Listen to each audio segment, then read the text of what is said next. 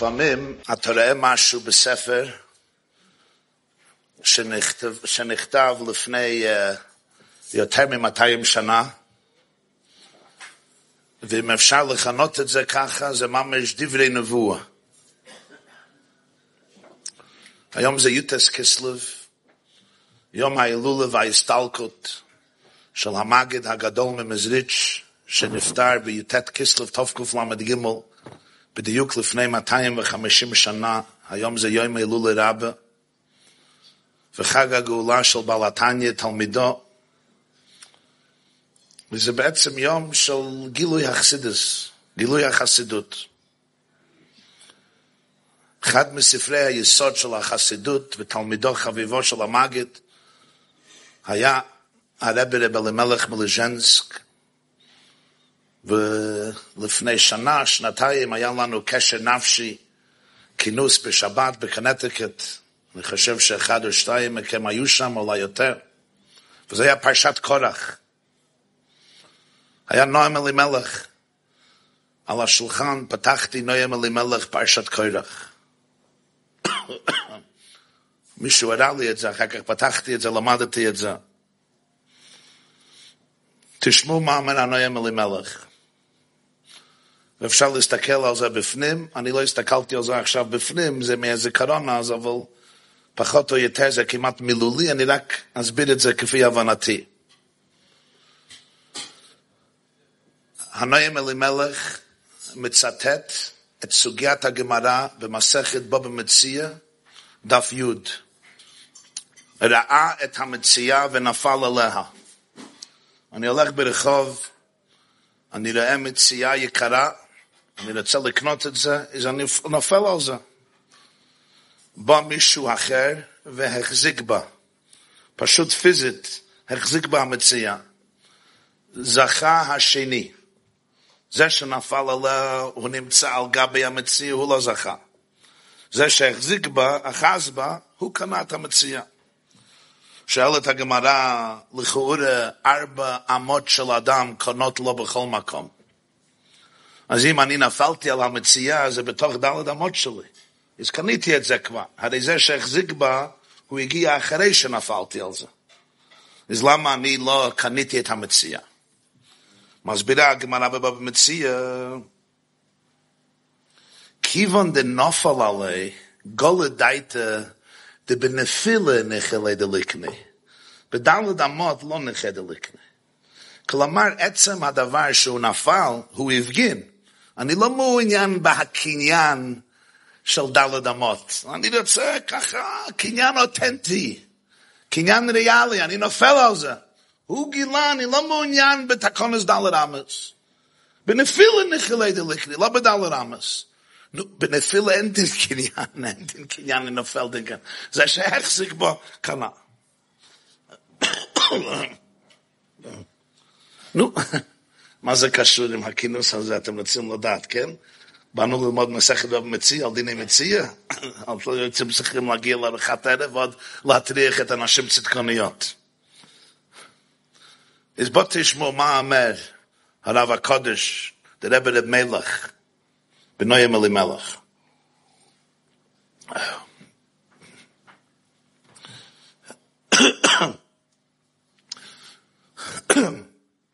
סליחה, הקול שלי קצת צרוד. ראה את המציע ונופל עליה. הוא אומר, יש נשמות שהן בבחינת מציע. איך אומרים ביידיש? סקפינן המציע. גמרא אומרת מציע בו בהסך הדס. המציע. משהו נפלא. יש נשמות שהן בבחינת מציע. מוצוסי דוד עבדי. הוא רואה המציע. הנשמה הזו זה מציע, כי מציע תמיד אבודה. אם זה לא אבוד, זה לא מציע, לא מצאתי את זה, זה בבית שלי. כן, הוא מוצוסו, זה עניין של משהו, אומר, יש נשמה שהיא מציעה, היא יקרה מכל יקר. אבל מצד סיבה כזו או אחרת, היא נמצאת במצב קשה. מישהו רואה את המציאה הזו, מה הוא עושה? נופל עליה. בעברית אומרים, מחליט לנצל אותה, להשתמש בה, לדפוק אותה חזקה, חזק, נופל עליה. זה נשמה ככה פגיעה, פתוחה, vulnerable, איך אומרים vulnerable? Uh, פגיעה, רגישה. הוא נופל עליה.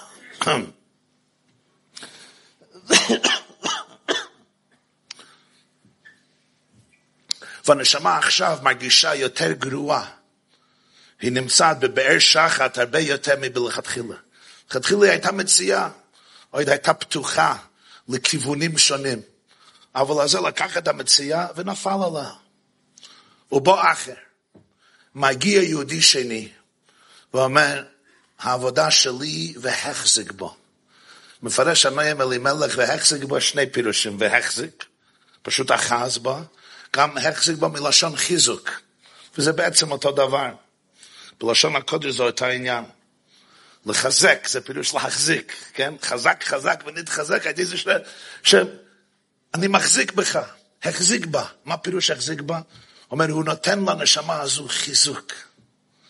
הוא מחזיק את הנשמה. הוא מדבר לנשמה כזו על מעלותיה, על יופיה, על הדרה, על אצילותה, על קדושתה, על עמקה, החזיק בה. אומר הנאם אלימלך קונו. מה פירוש קונו? כל הדברים הטובים שיצאו מהחיזוק הזה, כל הדברים הטובים שיצאו מהנשמה הזו, יש לו קניין בזה. הוא קנה את הנשמה, והוא קנה כל הדברים הטובים שיצאו מהנשמה הזו בגלל החיזוק הזה. אומרת הגמרא, ארבע אמס של אדם כהנס לו בכל מקום, מה אתה מבלבל לי את המוח, החזיק בו? ארבע אמס. מה זה?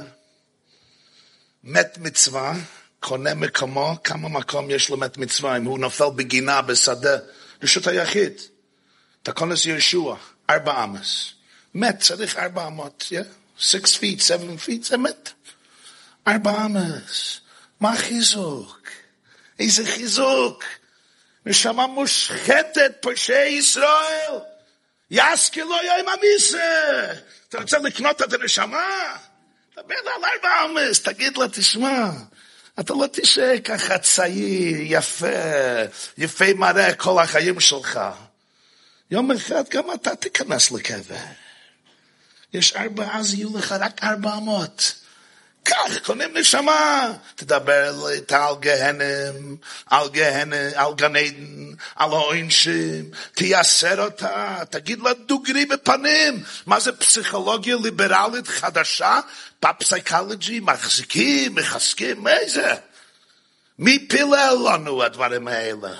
יש לנו מסויר רוח ישראל סובה, דלת אמס כהנס לא לאדם בכל מקום. תדבר לו על העונשים, על איש הגהנם, תגיד לו מה קורה שם מתחת לקרקע עם התולניים.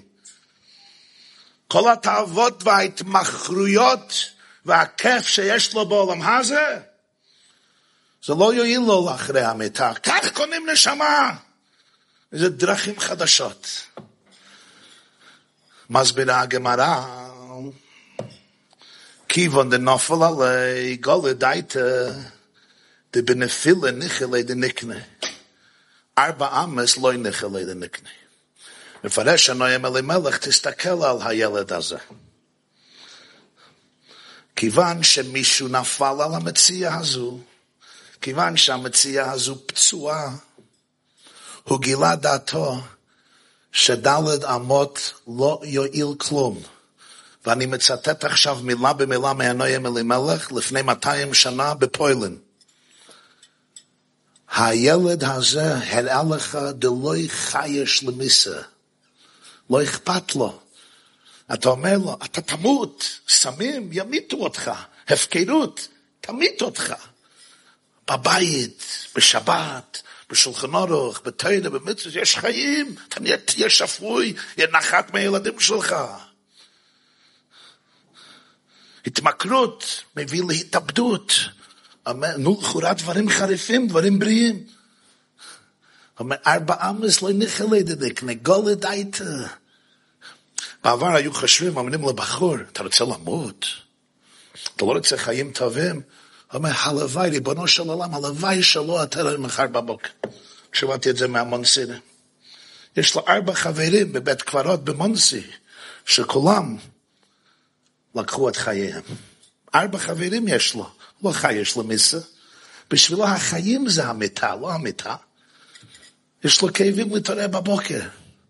אומר הנעים למלך, אתה מבין מה שקורה? ארבע אמס לא נכלה דלקנה. הנפילה הייתה כל כך חזקה, החיים כל כך קשים וכואבים, המיטה זה גן עדן. הלוואי שמות. ולכן יש דרך אחת ויחידה לקנות אותה, והחזיק בו. תחזיק בנשמה הזו, תחזיק בה. אל, אל תפסיק להחזיק. אפילו אם הוא אומר, לא אכפת לי, אני עוזב. אני לא עוזב. ונפשוי קשורה בנפשוי. אז תקנה את הנשמה. בלשון הגמרא גם לא מציע, הגבו קוינה. אתה רוצה לקנות נשמה, תגביה אותה, תחזיק בה. זה הדרך היחידה.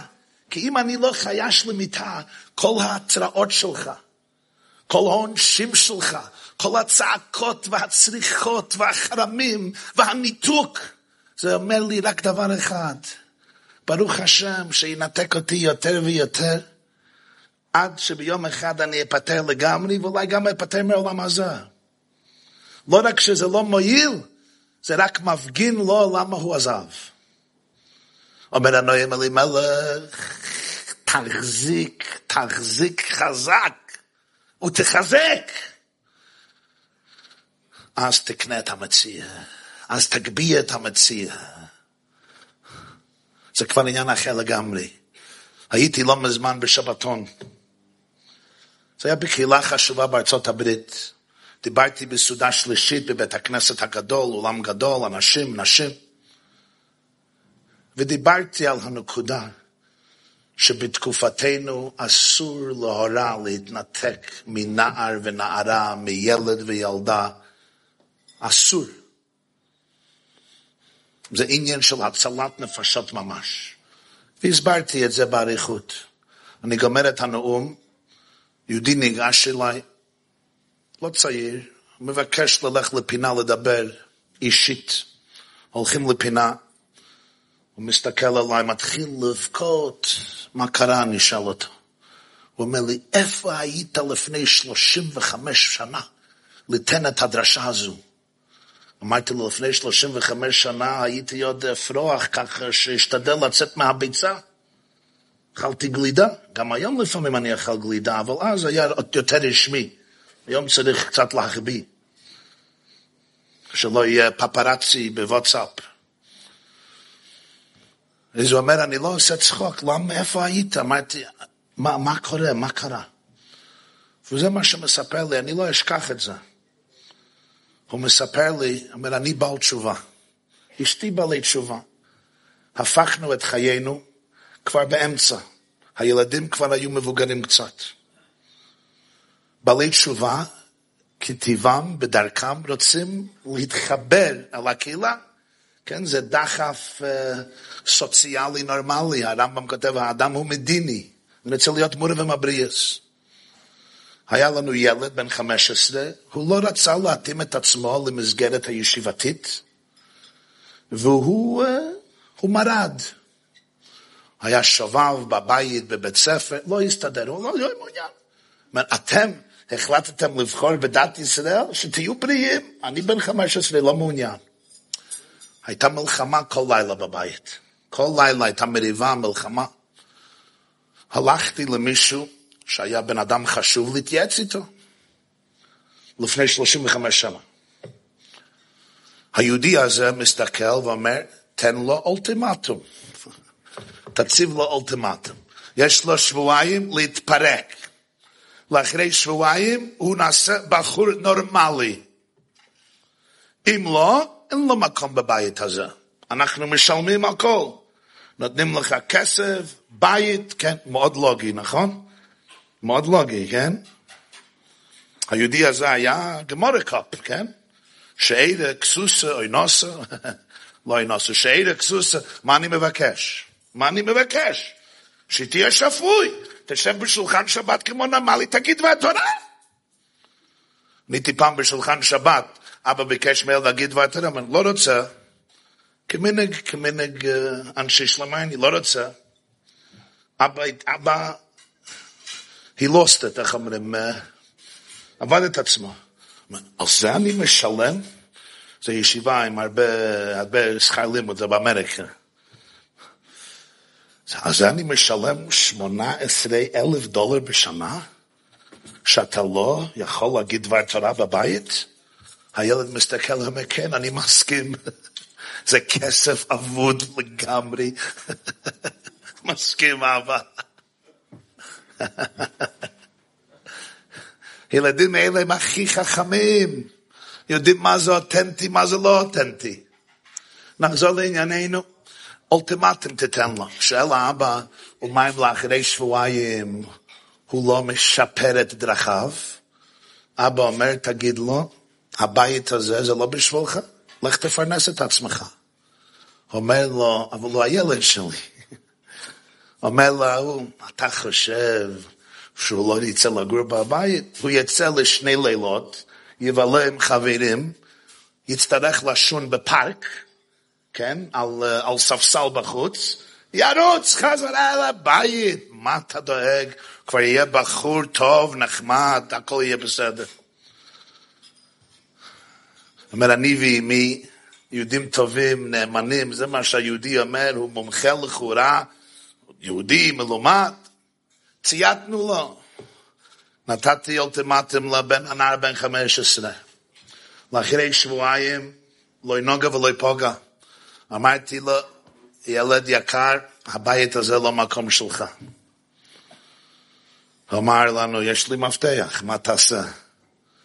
הלכתי להתייעץ, הוא אמר, תשנה את המנעול. אני קורא לזה עצת החיסויפל. משנה את המנעול. היהודי הזה עכשיו מסתכל עליי, מתייפח בבכי. ואומר, הוא עזב את הבית, 35 שנה. אני ואשתי לא קיבלנו טלפון אחד. מהבן שלנו, לא ראינו אותו כמעט 40 שנה. הוא כבר היום מבוגר. הוא כבר היום הילד, זה 35 שנה. והוא היה אז בן 15. הוא אומר, לפני כמה שנים שמעתי שהוא נשוי לאישה לא יהודייה. יש להם כמה ילדים שהם לא יהודים. ואומר עוד דבר אחד שאחרים לא מכירים. זה 35 שנה שלא ישנתי לילה אחת. אני לא יכול למחול לעצמי מה שעשיתי, הטיפשות, האטימות לב. 35 שנה הוא אומר לי, רבי יוסף יצחק, אני לא יכול לישון בלילה, אני מקיץ, אני לא נרדם, ואחרי כמה דקות, הכאב, החבלים. לכן אני אשאל אותך, איפה היית לפני 35 שנה לדבר דברים אלו? מה אני אגיד ליהודי הזה? עומד בפניי, יהודי אני יודע, בן 70 מבוגר, מתייפח בבכי, מה אני יכול להגיד לו? חיבקתי אותו. הוא בכה, אני בכיתי. ואז הבנתי, הכאב של בן או בת שעוזבים את דרך אבותיהם זה כאב עמוק, זה כאב גדול. אסור להתכחש לכאב, אסור לקבור את הכאב. אבל תאמינו לי, מוריי ורבותיי, ידידי יקרים, חסידים ואנשי מייסה, הכאב הזה, בכל עוצמתו, לא מגיע לכאב של התנתקות. זה לא מגיע לכאב לחתוך לב חי מתוך הגוף שלך, ולהגיד לבן או הבת, אין לך חלק במשפחה זו, כי אין לך חלק באלוקי ישראל, אתה כבר לא שלנו. תעוף מפה. ולחתונה של דבורי, אל תעיז להגיע. חוץ אם אתה לבוש בשטריימל ובקש וחגורה, אז אתה יכול לבוא להמצווה טנץ. שהדודה פייגה לא תחרים אותנו. ולא תגיד, ראו גידולים, ראו התפוחים הרקובות. על זה מסרו סבא וסבתא יצאו מאוישוויץ. היו מיישוב היושן בבותי הונגרין.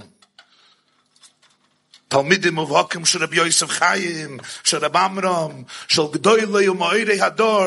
על זה מסרו נפשם לגדל תפוחי אדמה כאלה מסריחים, ואני עוד אבוא לחתונה הזו.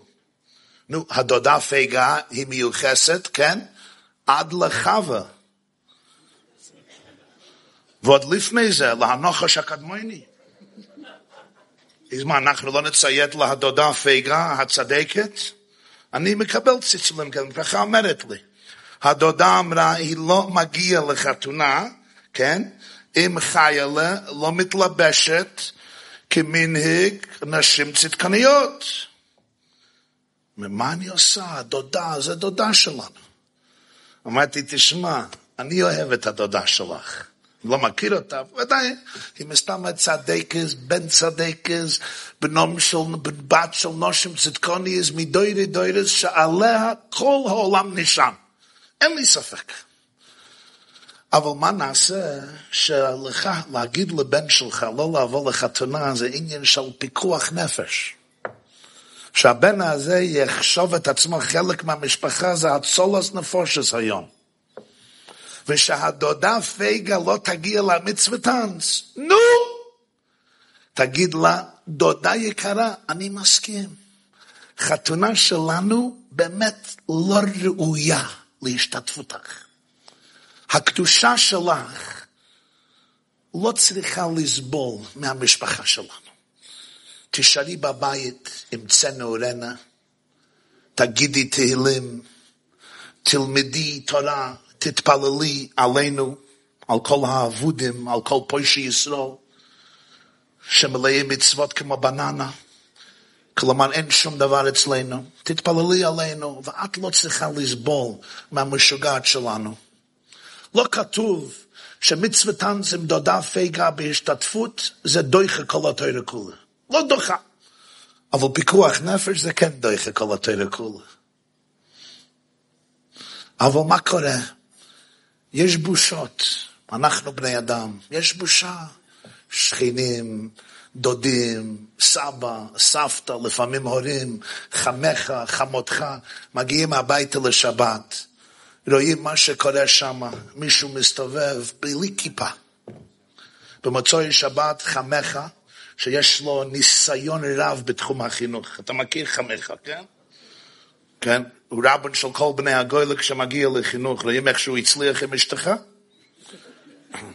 כמה היא אוהבת אותו. כן? והוא יוצא פגישה עם בני הזוג במוצאי שבת, נכון? אתם יודעים את הפגישה האינטימית הזו. הוא מסתכל עליך, ועכשיו ייתן לך עצה שלא לא מעולם הזה. הוא יגיד לך, אתה צריך להסביר לבן שלך שהבית הזה זה בית תורני. וואו. שלמה המלך היה צריך להתבייש מהחוכמה הזו. הוא בן 17, הוא לא יודע שהבית הזה זה בית תורני. הוא אף פעם לא שמע שאנחנו לובשים כיפה. מעניין. 17 שנה. הוא רק לבש את זה 16 שנה מיום הברית, הוא לובש את זה. תסביר לו, תסביר לו בחיוך. חמך הוא גם פסיכולוג, בחיוך תסביר לו. ולהבת, תסביר לו הלכות צניעות. כן, היא בת 18, היא לא שמעה על צניעות בחייה. רק עשר אלף פעמים היא שמעה על זה. תסביר לה. אתם לא יודעים איך להיות הורים. אני אומר לכם, זה קשה, זה ניסיון קשה. וזה כואב. אבל הנה הבשורה הגדולה. מצאתי שברגע הזה, ברגע הזה, עושים את הבחירה הכי חשובה בחיים. אנחנו עובדים את הקדוש ברוך הוא, או אנחנו משתחווים לחברה החרדית. זו בחירה גורלית. האם אני עושה פולחן מהחברה הסוציאלית של החברה החרדית? אני צריך שהשכנים יגידו, איזה משפחה, וואו. השטחנים ישתגעו כשישמעו את השם. ואני מקריב את הבנים שלי על מזבח הזה. או אתה עובד את הקדוש ברוך הוא. והשאלה היחידה היא, מה אלוהיקים שואל מאימוך? מה הילד והילדה הזו צריכים הכי חזק מהכל? האם צריכים להיות קשורים לאבא ואימא בקשר אמיץ? או אם הם צריכים להיכנס למטבח ולראות אבא ואימא שתמיד מסתכלים עליהם ועם תווי הפנים ושפת הגוף אומרים להם, אתם החרפתם לנו את החיים. מו אלוהיקים שואל מאימוך. ופה צריכים להבין את האמת. ויש פה שלוש נקודות. יש הנקודה של הילד או הנער או הנערה, יש הכאב של ההורים ויש הסביבה. דבר אחד, יש לי ידיד, הוא ראש ישיבת ישיבה בווטרברי, שמו הרב קלש. סיפר לי, הוא הלך לפסח למלון. יש לו ילד בן שש. ילד בן שש החליט בעצמו, הוא נכנס למעלית ועולה לחדר בקומה שישית. בכל המועד. הוא נתקע בתוך המעלית. מה עושים? ילד בן שש, הוא ראה כתוב emergency button, כלומר אם יש איזה מצב של חירום, מצב חירום, אז הוא דופק. נו, בשולחן ראשי המזכירה מרימה את ה... יש טלפון, זה חירום ממעלית. היא אומרת כן, לא, לא היה אישה, היה איש, סתם אישה הייתה יותר נורמלית. נושים רחמוני יסן, כך כתוב בגמרא על חולדה. הוא מרים טלפון, מה? אני, I'm stuck in the elevator, אני נתקע במעלית. אה, תפסיק לשקר, תפסיק לשקר. אתה רוצה ליצור בלאגן בכל המלון, כן? נצטרך לעשות אזעקה, להביא שוטרים, להביא מכבי אש. תפסיק עם הבלאגן והשובבות הזו. הילד מתייפח בבכי. אני לא שובב, אני תקוע במעלית. ילד בן שש.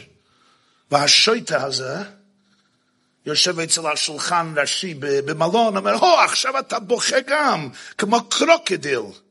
אתם יודעים, דמעות של תנין, דמעות של תנין, קרוקדיל אוכל, אוכל את הקורבן ובוכה. הוא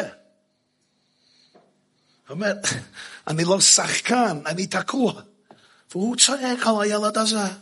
עד שבסופו של דבר היה מישהו אחר ששמע מה שקורה. הוא אמר, בוא נבדוק. בדקו, מצאו ילד תקוע. ברוך השם הצילו אותו. הרב קלש סיפר את זה אליי, עם דמעות בעיניים, ואני חושב לעצמי, כמה צודק הסיפור הזה על כל אחד מהנערים ונערות שלנו. תדבר עליהם קצת, תקשיב עליהם. הם היו במסגרת עשר שנה, עשרים שנה, תקועים במעלית.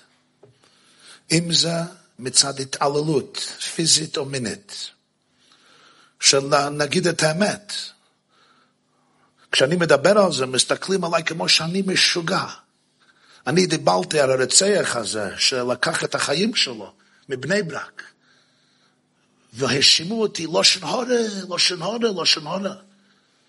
זה יהודים שפויים? הרוצח נעשה קורבן, והנרדפים הם הרוצחים. מי פילל לזה? על זה מסרנו נפש ארבעת אלפים שנה לשמור את גחלת ירא שמיים ואבא שמיים כדי כל יום ויום לעמוד על דם, לא רק ריח, על דם הילדים והילדות שלנו ולשתוק, כי החברה שלנו מושלמת. זה נקרא ירא שמיים? זה פשע. פשע בל יתואר, רצח. והילד הזה עבר את זה. אני פעם מסרתי נאום על שבת, דיברתי על היופי של שבת. מגיע אליי בחור, בן 25, ואומר לי במילים האלה, רבי ג'ייקובסון, one day I hope I'll be able to relate to what you said. יום אחד אני מקווה, אוכל להבין מה שאמרת. זה היה מחמאה ככה מוזרה קצת. שאלתי אותו, ידידי היקר, מה לא היה ברור? הוא אומר, אתה דיברת על המתיקות של שבת, נועם השבת, כה איך סויף, נוים שבס, כאייל תרג על אפיקי מוים, יוי מנוחה, ביני וביניכם, אוי סילי אוילום. נו, אמרתי, מה קשה? מה אני לא יכול להתייחס לזה ככה? שאלתי אותו למה. הוא אומר לי במילים האלה, קשה לי לדבר, אבל קשה לי יותר לשתוק. אני אומר, זה לא קל להגיד סיפורים אלה. קל יותר ללמוד בו במציע, על הלכס מציע.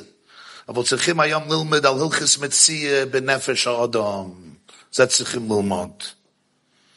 הוא אומר לי, בליל שבת בית הכנסת ריקה. כולם עוזבים, כולם הולכים הבית.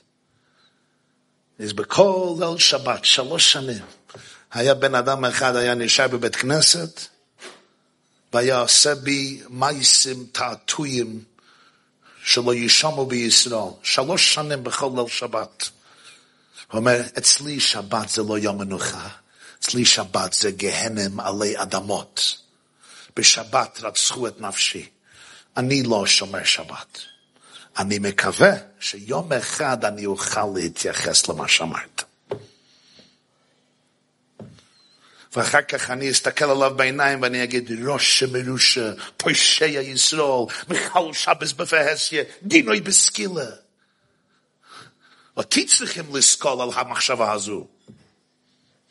יש בחור בן שמונה עשרה, נעמד בישיבה, ישיבה חשובה בניו יורק, והכריז בקול רום, אני אתאיסט.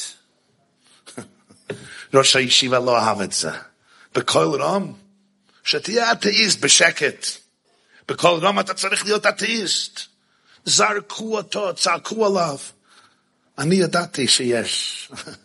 לכל סיפור יש רקע. ישראל עם קדושים. בלתניה כותב, נשמס ישראל זה חלק אלוהיקה ממעל ממש.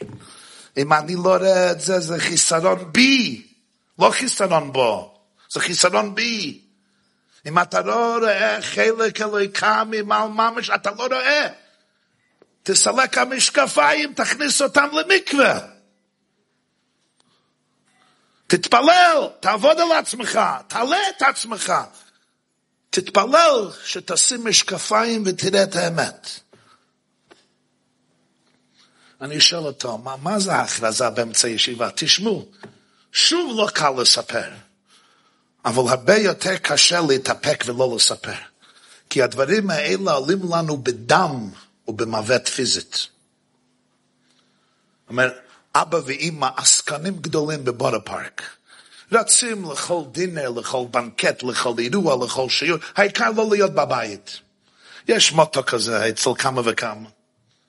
מה שיש, יהיה דף יומי, שיהיה מנחה, שיהיה מייריב, שיהיה שיעורים, אבל העיקר לא להיות בבית. שלום בייס. אבל גם האימא הלכה איתו, זה היה שלום בייס ביחד. ביחד ברחו. השאירו אותי עם בייביסיטר. איך אומרים בייביסיטר? בייביסיטר. בסדר, בן יהודה לא עשה מילה לזה. בסדר, בייביסיטר. אוקיי. אז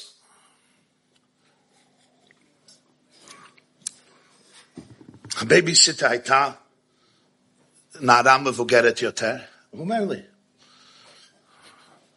שלוש וחצי שנים התעללה בו בלילה, פיזית, מינית. התפללתי כל לילה לאלוקים שימית אותה. שהיא תמות. אלוקים לא הקשיב לתפילה שלי. היא חיה, עד לאחרי שלוש וחצי שנים היגרנו למקום אחר, עברנו דירה, זה נפסק.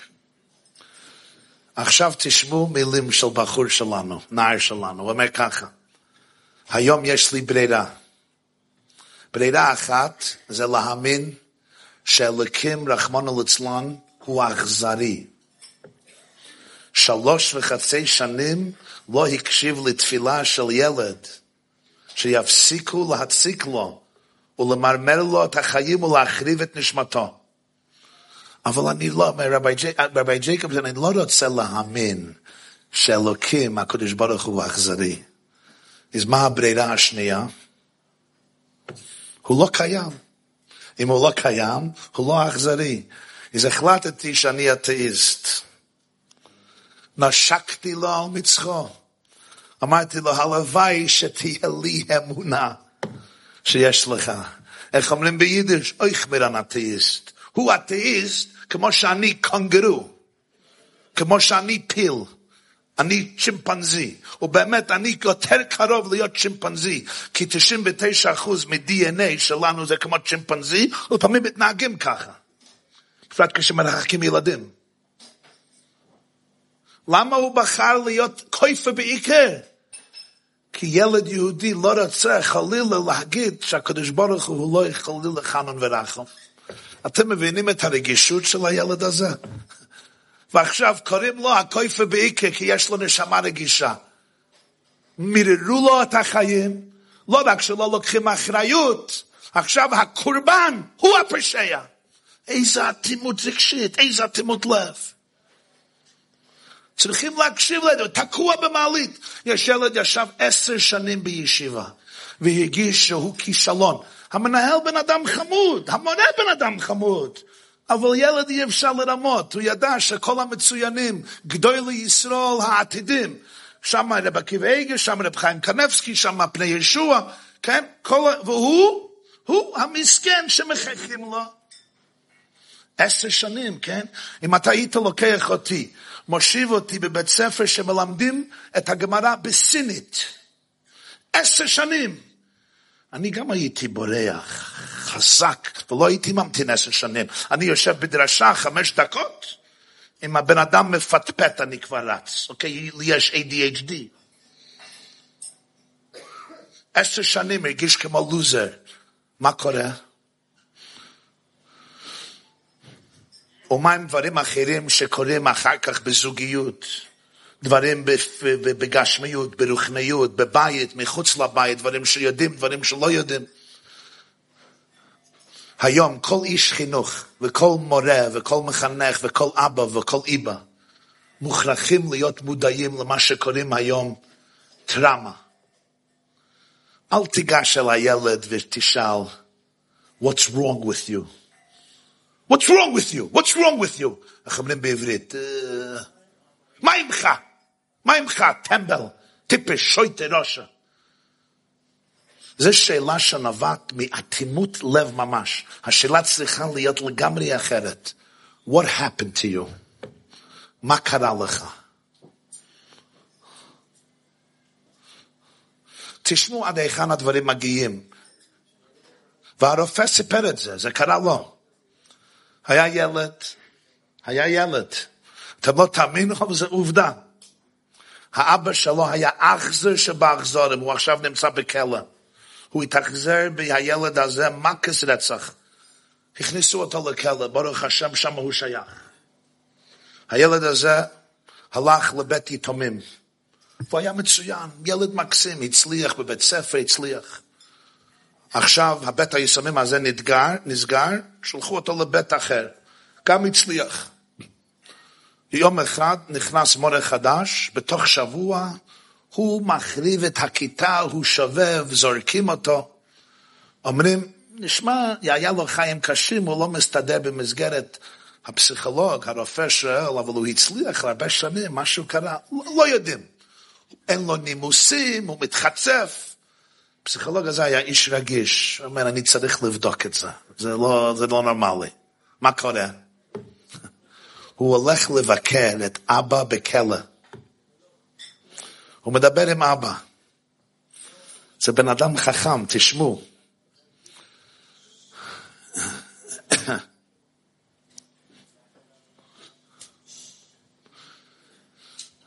כשיושב עם אבא בכלא הוא מריח ריח חזק של דיודרנט. מה זה דיודרנט? איך כך אומרים דיודרנט? אה? דורדורנס. בושם, כן. ולא נראה כבויסם הזה של האבא. היה חזק ככה. בסדר. זה לא היה השיחה, אבל סתם באמצע השיחה הוא הריח. יום אחר כך הוא נכנס לכיתה לראות מה קורה. הוא מריח אותו ריח. הוא יושב עם המלמד, אומר, אפשר לשאול שאלה אישית? בבקשה. אתה משתמש בבושם בבוקר? ודאי. איזה סוג בושם? אומר לו, אותו הבושם של אבא. תשמעו מה שקורה פה. הילד הזה כשנכנס לכיתה הזו, הריח של הבושם הזכיר להגוף, לעצבים, שזה לא מקום בטוח, זה מקום של התעללות. זה מה שטראומה יוצרת. זה לא בחירה, זה לא שכל, זה הגוף רגיש. העצבים לא מרגישים בטוח, זה ה-nervous system. הילד הזה המוח שלו אמר, יש אריה בחדר, יש טייגר, יש ברדלס בחדר, יש נחש ויש קרוקודיל בחדר. אם עכשיו נכנס ברדלס או אריה פה לחדר הזה, נקווה שלא, אבל אם כן, וכולם מתחילים לעוף ולרוץ, ואני אומר, רבותיי, מוח שליט על הלב. מה קרה איתכם? אה? כן, לא לבלבל, נעשה מדיטציה. נסגור עיניים, נשבו לאט, להרגיע את העצבים, לא להניח לאריה לעשות טריגר. אתם תסתכלו עליי ויגידו, כבוד הרב, שלום, תמשיך עם המדיטציה, אנחנו יוצאים לחוץ. לא יוצאים, רצים! למה? כי אתם נורמלים. כי המוח עשוי משכבות שונות, ושורש המוח, קוראים לזה המגדלה. שם זה הישרדות. עכשיו זה הישרדות. לא לומדים עכשיו על המועצים מחברי, על הוואי, על תוקפי כהן, על שניים מרכזים בטלס, על נופל על המציע. הישרדות. מישהו חונק אותך בצוואר, ואתה אומר לו מדיטציה, אתה אומר לו מדיטציה, זה יהיה קל יותר. הילד הזה, האריה, המורה, זה היה אבא. הגוף אמר לו. מסתכלים על זה, שובב, ראש, לא חינכו אותו בבית. אין דבר כזה כמו ילד רע. אין דבר כזה. זה לא הויה ולא נברא. אתה צריך להבין מה קורה אצלו. אנחנו לא רגילים לשפה כזו, כי אף אחד לא עשה את זה איתי. ואף אחד לא עשה את זה איתך. אצלי בכיתה נתנו וואק, פום, פום, פום. והמדקדקים במצווס לקחו את הצבעות יחד, אתם זוכרים? זכיתם לזה. עם מקל, כן? וזה הייתה האווה. נפשי קשורה בנפשי, טרח, טרח, עוד קשר, עוד קשר. וזה כמובן רוח ישראל סבא, זה החינוך, ודאי. טראומה של גלות, אלפיים שנה, בפרט לאחרי אוישוויץ, למדו לסגור את הלב, אי אפשר היה להרגיש. אבא של אחד אומר לי, רביי, אצלנו במשפחה לא נותנים חיבוקים. אני אומר, וואו, זה הלוך למשה מסיני, זה תקונס הגאונים, זה בבבלי, זה בירושלמי, איפה? שולחן ערך הרב, משנה ברורה. אצלנו במשפחה. אמרתי, אצלך במשפחה יש טראומה שלוש מאות שנה, זה יש לך את המשפחה. כשיש טראומה, חצי מהמוח לא עובד, חצי מהלב מתנתק מעצמו, כי העולם זה מקום מסוכן. ובישיבה אתם מצליחים, כי בישיבה צריכים ראש, לא צריכים לב, לא צריכים נשמה. להפך, טוב יותר לחתוך את הראש, ואז תצליח בגדול. ואתה קורא לזה יהדות. היום צריכים לשאול, לא, what's wrong with you? מה רע איתך? למה אתה משוגע? אני רוצה להבין what happened. מה קורה עכשיו? מה קורה? הילד הזה שתקוע במעלית, והוא אומר, אני תקוע במעלית, וצועקים, מחוצף, אין לך דרך ארץ, זה שבת, זה ים כיפר. קלים שבקלים. מגיעים לבית כנסת ביום כיפר ואתה לא. ועכשיו אני אשאל את זה לכל האימהות, וגם לאבות, ת, תגידו דוגרי. אני עשיתי את זה, ואני לא יודע כמה כינוסים.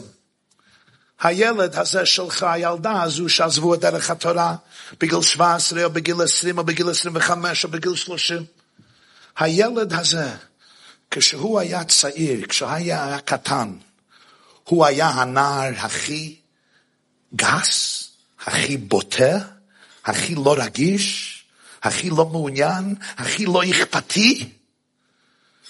וכל אימה תתחיל לבכות ותגיד לו, הוא היה הכי רגיש, הכי אוהב, הכי עמוק. ואחרי ליל שבת הוא היחיד שניקה את כל השולחן.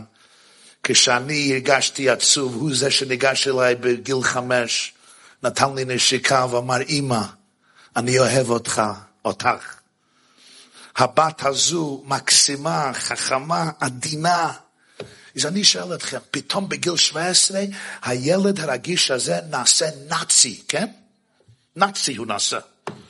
הוא מתעורר יום אחד ואומר, עכשיו אני אלמד את ההורים שלי מה זה סבל. אני אחריב את המשפחה הזו, וואו, וואו, וואו, איזה כיף יהיה לי. גן עדן, אוי, לא מחותירה בחייך, שאבא לא יישן, אמא לא ישנה. כן, זה מה שקרה? אתם חושבים את זה? מישהו נורמלי חושב שזה מה שקרה? תצא מהמעלית, דפוק, תצא מהמעלית. אתה מחריב את המלון שלנו. על זה השקענו. זה אכזריות. זה בשויגג, זה לא במזיד, ההורים אוהבים את הילדים. אבל הטריגר כל כך עמוק, אני פשוט רוצה לצעוק עליו ולתקן את זה. אבל יש פה כאב מאוד עמוק, בהכרה או בתת הכרה, במודע או בלא מודע. הילד, הילדים האלו, יש משהו שסובלים מזה. והדבר, החוב הראשוני, מאת בורא העולם זה, תקשיב, תתקשר עוד יותר. לא רק שהילדים האלה לא צריכים ניתוק, הם צריכים הקשר הכי אמיץ וחזק שיש בעולם. תיכנס לעולם שלהם, תבלו יחד, ולא תבלו במה שאתה רוצה, זה לא קשר, תבלו במה שהיא רוצה. שיהיה לכם כיף יחד, תשוחחו, תקשיבו, תעשו גריל על האש, תקנו גלידה, תטפסו על הרים, תלכו על אופניים. אמרתי זה לאבא, הוא אמר, אופניים? אני אלך לגהנום. ואמרתי, ובליזה אתה הולך לגן עדן? הוא אומר, ודאי.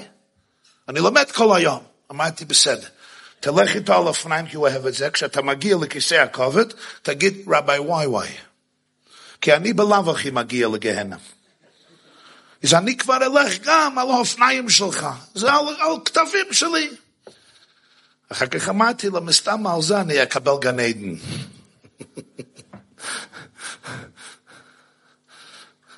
הוא חושב על הגהנם שלו, אולי תחשוב על הילד שלך, לא על הגהנם שלך, אולי מספיק עם הנרסיסיזם הזה, שמכוסה בכיסוי דתי וחרדי. אתה אגואיסט. עוד בשם אלוקים. לא שמעתי אגואיסט כזה בחיי. והוא מתכוון ברצינות.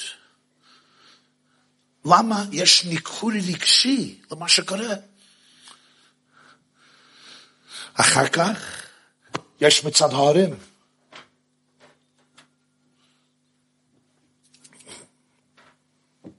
אחר כך יש מצד ההורים. וזה צריכים להסביר. זה כאב עמוק. זה משנה את כל החיים. לזה צריכים תמיכה רגשית. דבר אחד, במצבים כאלה הזוגיות, השלום בית צריכה להיות, צריכים לעבוד על זה. כי אם אין, אין התחברות והבנה בין איש ואישה בדבר הזה, יהיה חורבן. צריכים לבכות יחד, ואז אפשר לצחוק יחד. צריכים לטייל יחד, לדבר, וצריך שתהיה תמיכה רגשית. ואם מקבלים עצות, בסדר, אבל רק מאלה שהתמחו בנושא זה. יש רבנים, אני אוהב אותם, אני מעריך אותם, הם מכירים חוישר משפט, מכירים בוסר בחולוב, וגם יודעים הלכות מוקצה. אבל אני לא הולך לרופא שיניים עבור התקפת לב. אני אוהב את הרופא שיניים, הוא יודע שיניים, הוא לא יודע על התקפת לב. מי שלא טיפל במאות אלפי נערים נושרים, שלא ייתן עצות להורים. לא אין ילדים, ברוך השם, אין לו ילדים כאלה. הוא לא מומחה בזה. תיזהרו מה שאני אומר לכם. הם אנשים טובים, אבל לא יודעים על מה מדברים.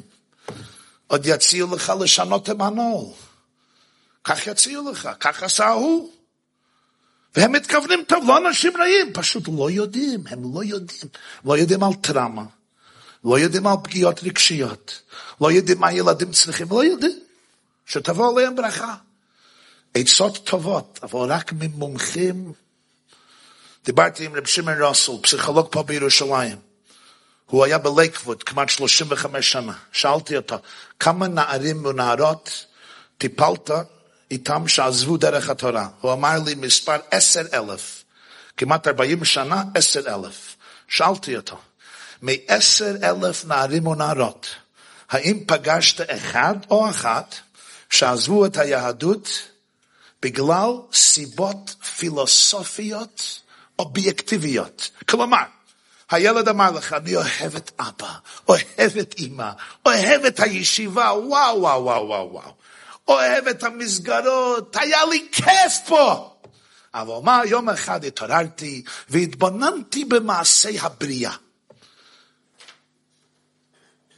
והחלטתי, אלוקים לא בשבילי, שבת לא בשבילי. אני רוצה להיות שמח וחופשי, ואני עכשיו שמח וכיף. שאלתי, יש אחד כזה? הוא אמר לי, עשר אלף לא מצאתי. בכל אחד מצאתי טראומה רצינית. אמרתי, כולם או אתה מגזים? הוא אומר, כולם לבד אחד, אבל הוא עזב לאחרי כמה חודשים, אז לא הייתה הזדמנות. אבל אומר, כולם, חוץ מאחד שעזב אותי לאחרי כמה חודשים, הם הגרו למקום חדש. אבל הורים, זה כואב. זה כואב למשפחה, זה לא קל. וצריכים תמיכה, אבל תמיכה רגשית מאלה שיש להם אמפתיה. לא מאלה שיגידו לכם שאתם אשמים בכל, שאתם ליברלים, משוגעים, שאתם מחריבים את היהדות בכל מאיר שערים, בכל ירושלים, בכל בני ברק, בכל ביתר ובכל קריית ספר. והגלות מתארכת בגלל הורים כמותכם. תחייכו להם, תגידו, מעניין מאוד, תודה רבה, ברוך שפטרני. זה בסדר. ויש הבושה החברתית. זה קשה. זה קשה. כל ינטה ויחנה יש לה מה להגיד. הגיסים, הגיסות שלך, חושבים שאתם משוגעים. אתם מקרבים את הילדים האלה. ואתם תקנו, אישה אמרה לי, אחותי גידלה 14 ילדים, כולם דתיים וחרדים. לי יש ארבעה ילדים שמתמודדים. היא מתקנאת באחותה, אני מבין. זה קשה מאוד. אמרתי לה, צריכים להבין, אנחנו חיים פה כדי למלות את השליחות שבורא עולם הטילה עלינו, לא לדמות את החיים שלנו לאחרים. יש לך שליחות אחרת. אמא אמרה לי, מה היא עושה? יש לה ארבעה ילדים מתמודדים. היא אומרת, היא מגיעה הביתה, לוקחת נשימה, ובמוחה יש שלט על הדלת, בית רפואה. אני נכנס לבית רפואה, זו השליחות שלי. אני צריך לשקם נשמות רגישות שנשברות. זו השליחות שלי. וזו שליחות גורלית וגדולה. וכן, יגידו מה שיגידו. צריכים עזר והשראה פנימית ויחס ישר עם בורא העולם. אליו אתה עונה. אני לא חי עבור השכנים והשטחנים והסמינרים. זה עבודה זורה, זה נקרא מוילך. מקריבים הילדים על שולחן המלך שילכו למוסדות האלה בשביל השטחנים, הגם שזה יחריב את החיים שלהם.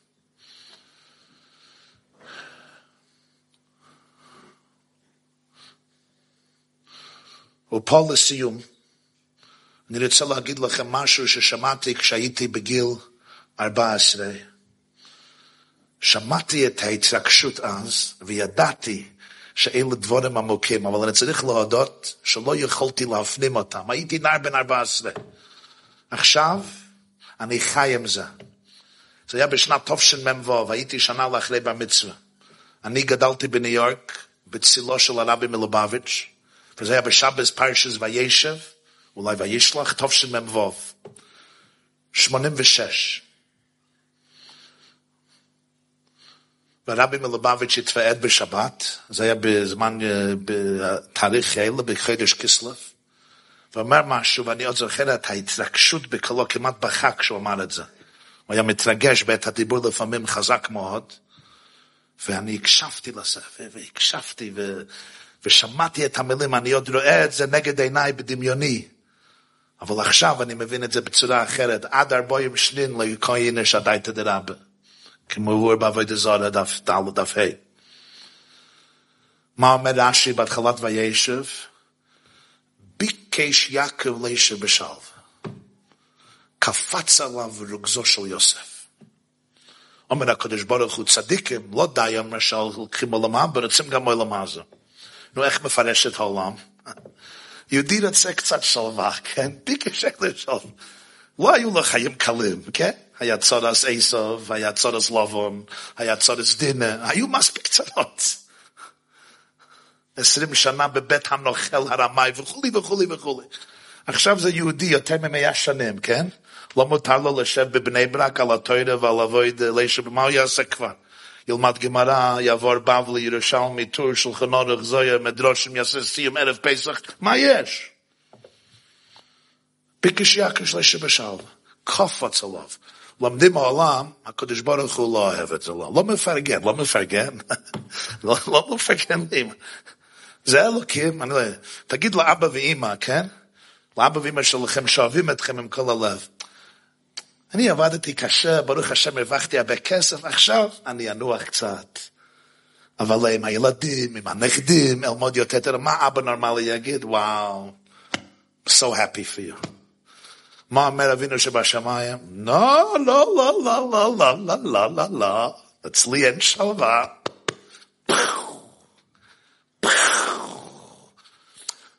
משמע אפילו שזה שאתה רוצה לשב בשלווה, אתה כבר קרימינל. criminelen, hè? Kauf wat zo, ani yarelecha, echamene man, I'll fix your wagon, ani ataken lecha, et hagalgalim shelcha, kvar tiskor al et hashalva shelcha. Kauf do brugi shel Yosef. Zu היית השאלתו של הרב. במילים שלו, אני אומר את זה במילים שלי קצת יותר דרמטי. הוא אומר, אבל עכשיו, אחר כך ממשיך, צדיקים, לא ידעי להם שהם רוצים, אלא מה רוצים גם מה זה. אם הם קרימינלים גדולים, למה אתה קורא להם צדיקים? משמע שהם עושים את זה בתור צדיקים. אז בזה רש"י אומר לך כבר, תתעמק במה שאני אומר. לא מדברים פה על קרימינל, מדברים פה על צדיקים. צדיקים רוצים לקיים את רצון השם. אם השם באמת שונא שלווה, אם הוא רוצה שכולם יהיו עצבנים, זה מה שהוא רוצה. אתה במצב רוח רע? טוב! יש, אתה רגוע? לא טוב, נחריב לך את הבית. למה אתה קורא להם צדיק? ואז לפעמים, אסחתו אני מסכן היום, לפעמים אתה שואל שאלה, ואתה אומר לעצמך, כל תשובה שאתה תענה לי, לא תהיה טובה כמו השאלה, נכון? תלמיד מיר אמר לי שרב נוחם, רב נוחם פרצוביץ', פעם הקשה שאלה גדולה בשיר על רם, רם בנדורם. הבחור הזה מתמיד עילוי, הוא נתן לו תשובה על השאלה שלו. אומר לו רב נוחם, יש לי תשובה יותר טובה ממך. אומר מה? צורך עיון. תשובה יותר גדולה ממך, זה בקיבי צורך עיון. השם יויר עיניי. כששמעתי את השאלה הזו מהרבי מלובביץ', אמרתי, זו שאלה טובה. אני לא יודע אם התשובה תהיה. אז חטאי אני מזכיר היום, איך אומרים, את נישט, הוא לא, הוא לא נשאר בעל חוב. הוא ענה ככה, אבל תשמעו דברים רגישים, אפשר לשמוע את זה, צריכים לשמוע עם הלב, לא רק עם המוח. אומר, אנחנו לא מבינים את כל המים מחז"ל. ביקש יעקב לישב בשלווה. יעקב רצה שלווה.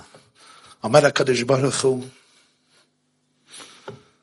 אני אעניק לך שלווה, אבל אני רוצה שתהיה לך שלווה אותנטית, שלווה אמיתית, שלווה פנימית, שלווה אלוקית, שלווה אינסופית. לכן קפץ עליו רוגזוי של יוסף. זה הקיום של לשב בשלווה. למה? אני אסביר. מה הייתה האמת על המשפחה הזו באותו זמן? המשפחה הייתה נראית מושלמת, נכון? אבל מה הייתה האמת? וישנו את יוסף, לא יאכלו דברו לשלום, ויקנו בו אחיו. הייתה, היה קרע עמוק במשפחה. השלווה הייתה בשטחיות, בחיצוניות, בשולחן שבת כולם חיכו, בבר מצווה של מוטי כולם היו ככה. כן? באירוסים, בתנאים של חיילה, וואו, משפחה. הייתי באיזה עיר בניו יורק, לא אגיד איפה, במלאבה מלכה, אבא, הסבא, מראה לי שלט, בחדר בחדר בסלון, יש לו 12 ילדים. כולם חתמו שאין להם סמארטפון. חתמו, ואבא תלה את זה, ואמר, משפחה יחידה שיש נחת, משפחה שלי.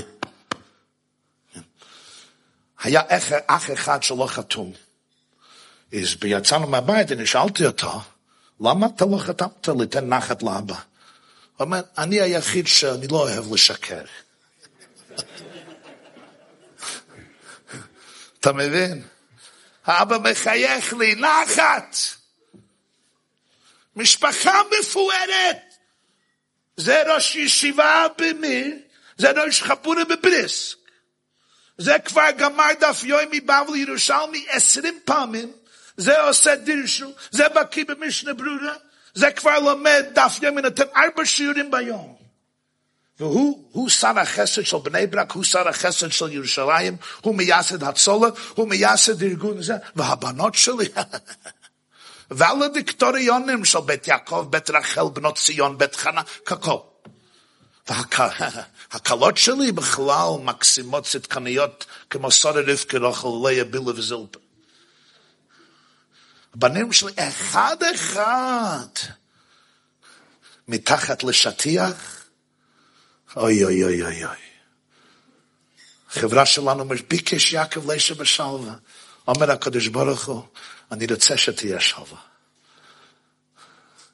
אני יכול עוד לשמוע איך שהרב אומר, אני רוצה שלווה אמיתיס. שלווה אמיתיס צריכים לפתוח את האינפקציה. צריכים להוציא את הזיהום החוצה. קופץ עליו רוגזי של יוסף. שלווה מסוג אחר. זה לא השלווה, יושבים בשלוש סעודות, מנגנים מזמר לדוד וידיד נפש, yeah? כולם עושים פרס של הלפינו הרינג, והם סיסו בני מי סיסו. זה שלווה חיצונית. שלווה אלוקית זה שלווה אחרת. קופץ עליו רוגזי של יוסף. כל הבעיות במשפחה צצו, יצאו. ועשרים ושתיים שנה כולנו הצטרכו לעבוד על עצמם. כל השבטים, כולם התהפכו מן הקוצר לקוצר. יהודה שצעק, מה בצע? וכיסינו אז דומוי. הפך את עצמו ואמר, כי עבדך אורה ושנא. ישב נו עבדך תחת שנא, כי איך אלה אלובי והנער איננו איתי ונפשוי קשורה בנפשוי. זה לקח 22 שנה. ואז לא יוכל יוסף להתאפק. המשפחה הזו התאחדה, לקחה את הרסיסים שנשברו, וזה הביא אותם למיזוג אחר, וכשיעקב ירד למצרים, ויחי יעקב את מצרים שבע עשרה שונה, אומר בעל הטורים שבע עשרה בגמטריה טוב, השנים הכי טובות של יעקב היו במצרים. אז הייתה שלווה אלוקית.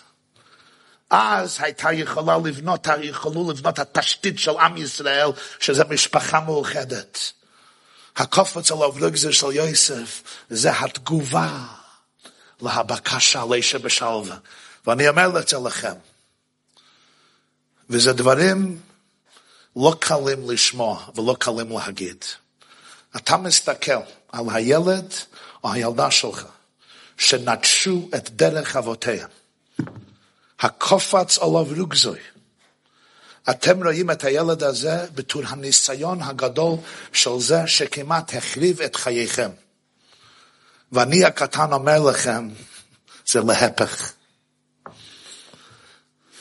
הילד או הילדה הזו הם אלה שהופכים אותנו לידי אלוהיקים אמיתים.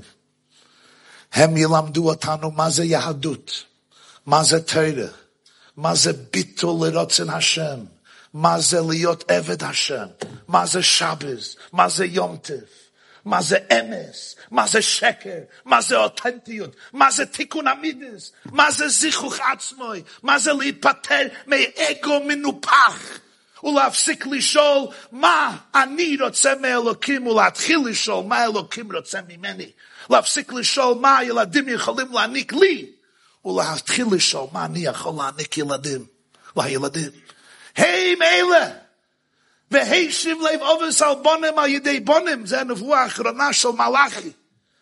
חושבים על ידי בונם, הבנים ילמדו אותנו מה זה תורה, אנחנו מלמדים אותנו. ואני אומר לכם, כן, הבנים האלה ילמדו את כולנו מה זה תורה. מה זה ביטול. מה זה מסירות, מה זה נאמנות, מה זה פנימיות, מה זה לא, מה, מה החילוק בין חיצוניות ופנימיות? מה החילוק בין לחיות חיים דתיים? שזה בעצם מזויף מתוכוי. כי ברגע, כי ברגע שאתה לא מסכים איתי, אתה עושה לי טריגר כל כך חזק, שאני כבר לא יכול לסבול אותך, כי אני לא מצאתי את האלוקות בתוכי. אני גם חלק מהקורבן של הנסיבות. קופץ עליו רוגזוי! זה רויגס.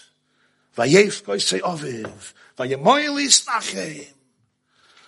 אבל מזה תצא משפחה. וואו. משפחה אחרת לגמרי. לא משפחה אולי שהשכנים שלי יבינו, אבל הקדוש ברוך הוא יבין דרכה. ואתם תדעו, והילדים שלהם, כולם, תדעו מה זה שלווה. זה שלווה שנובעת ממנוחת הנפש במקום הכי עמוק, שתדעו תמיד שקיימתם את השליחות שבשבילכם ירדו נשמותיכם למטה.